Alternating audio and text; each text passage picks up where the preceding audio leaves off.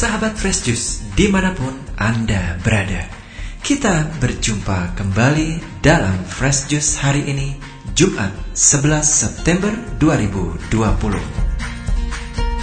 Bacaan dan renungan akan dibawakan oleh Father Roni Luni dari Sabah, Malaysia.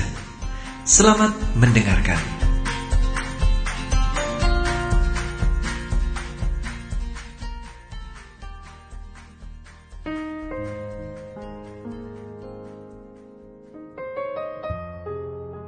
Salam damai dan kasih Kristus kepada semua pendengar setia Fresh Juice.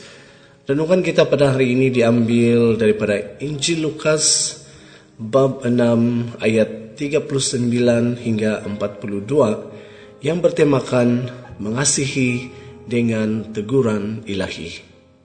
Oleh itu mari kita mempersiapkan hati dengan hening seketika untuk mendengarkan firman Tuhan. Sekali peristiwa, Yesus mengatakan suatu perumpamaan kepada murid-muridnya. Dapatkah orang buta menuntun orang buta? Bukankah keduanya akan jatuh ke dalam lubang? Seorang murid tidak lebih daripada gurunya, tetapi sesiapa yang telah tamat pelajarannya akan sama dengan gurunya. Mengapakah engkau melihat selumbar di dalam mata saudaramu, sedangkan balok di dalam matamu sendiri tidak engkau ketahui? Bagaimanakah engkau dapat berkata kepada saudaramu, Saudara, biarlah aku mengeluarkan selumbar yang ada di dalam matamu, padahal balok yang di dalam matamu tidak engkau lihat. Hai orang munafik, keluarkanlah dahulu balok dari matamu, maka engkau akan melihat dengan jelas untuk mengeluarkan selumbar itu dari mata saudaramu. Demikianlah Injil Tuhan.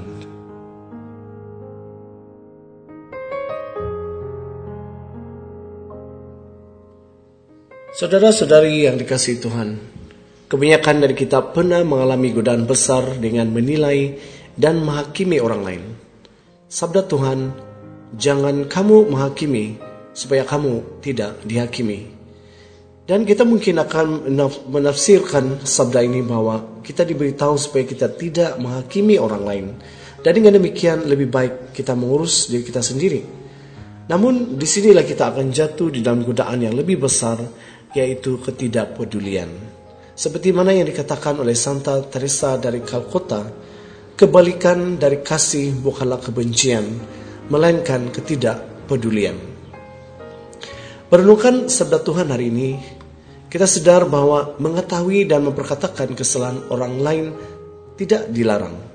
Bahkan Yesus mendorong kita untuk memberikan koreksi persaudaraan ataupun fraternal correction jadi perkara yang mau disampaikan di sini adalah bahwa kita tidak seharusnya memberikan penilaian apabila kita dalam keadaan marah, benci, membalas dendam dan mementingkan diri sendiri sehingga kita lupa untuk memperbetulkan dan memperbaiki kesalahan dan kekurangan diri sendiri. Ada kalanya juga kita sibuk memperkatakan kesalahan dan kekurangan orang lain sehingga mengabaikan pelanggaran kita sendiri yang lebih berat dan serius. Tahukah saudara-saudari bahwa menghakimi itu berbeza dengan menegur? Yang pertama dilarang oleh Tuhan, yang kedua diperintahkan oleh Tuhan. Itu sebabnya penting sekali kita mengerti perbezaan di antara menghakimi dan menegur. Kadang menghakimi menjadi sifat buruk yang tidak kita sadari dalam hati kecil kita seperti apabila kita melihat saudara kita yang bersalah, kita bersungut di dalam hati. Kita lebih mudah menghakimi seseorang daripada menerima mereka apa adanya. Misalnya, para murid Yesus yang sukar menerima Paulus karena masa lalu Paulus sebagai penindas orang Kristen. Tanpa sadar, kita juga menolak dan menghakimi orang lain karena masa lalu mereka atau karena mereka berbeza dari kita. Masalahnya bukan dari diri mereka, tetapi dari diri kita sendiri. Mengapa kita mudah menghakimi orang lain? Kita mudah menghakimi orang lain karena kita sendiri pernah mengalami luka yang sama di masa lalu kita. Ada beberapa trauma yang dapat menyebabkan kita mudah menghakimi orang lain seperti trauma penolakan, merasa tidak selamat, dan merasa diabaikan. Misalnya, sewaktu kecil kita kehilangan seorang ayah yang melindungi kita, sehingga kita merasa selalu perlu melindungi diri kita sendiri. Akibatnya, perkataan kita menjadi keras karena sebenarnya kita melindungi ego kita sendiri yang terluka. Kita mudah menghakimi untuk melindungi kelemahan kita. Kita menyakiti sebelum disakiti. Dengan pengalaman pernah dikhianati dan diabaikan oleh orang yang kita cintai juga, kita jadi mudah mengabaikan perasaan orang lain.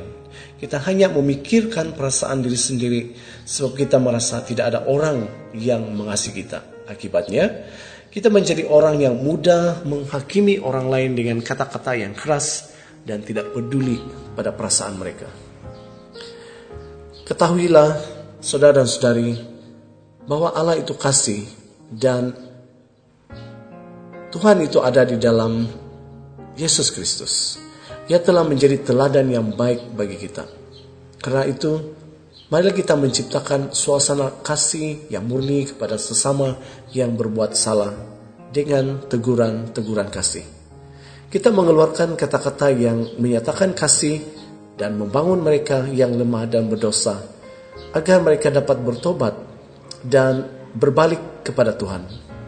Sebelum datang kepada orang untuk menegur, hendaklah kita datang kepada Tuhan terlebih dahulu dan membawa orang tersebut di dalam doa, mengikuti bimbingan atau dorongan Tuhan yang di dalam hati untuk menegur orang lain, jadi tidak sembarangan.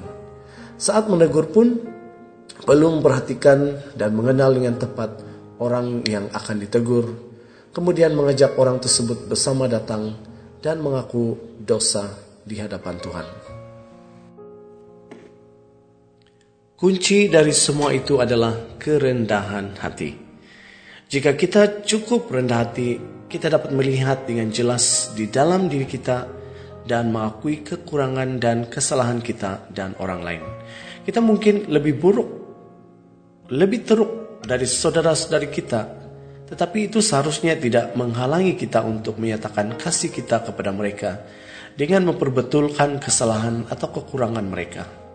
Memberitahu orang lain tentang kesalahan mereka dengan rendah hati adalah ekspresi kasih kita.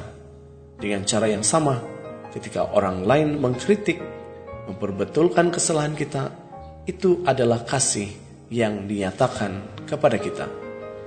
Marilah kita saling mendorong dan membangun di dalam kasih Kristus Tuhan kita.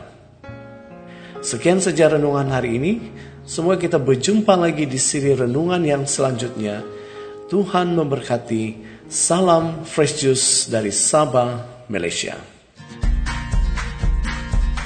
Sahabat Fresh Juice, kita baru saja mendengarkan Fresh Juice Jumat 11 September 2020. Segenap tim Fresh Juice mengucapkan terima kasih kepada Father Roni Luni untuk renungannya pada hari ini. Sampai berjumpa kembali dalam Fresh Juice edisi selanjutnya. Tetap semangat, jaga kesehatan, dan salam Fresh Juice.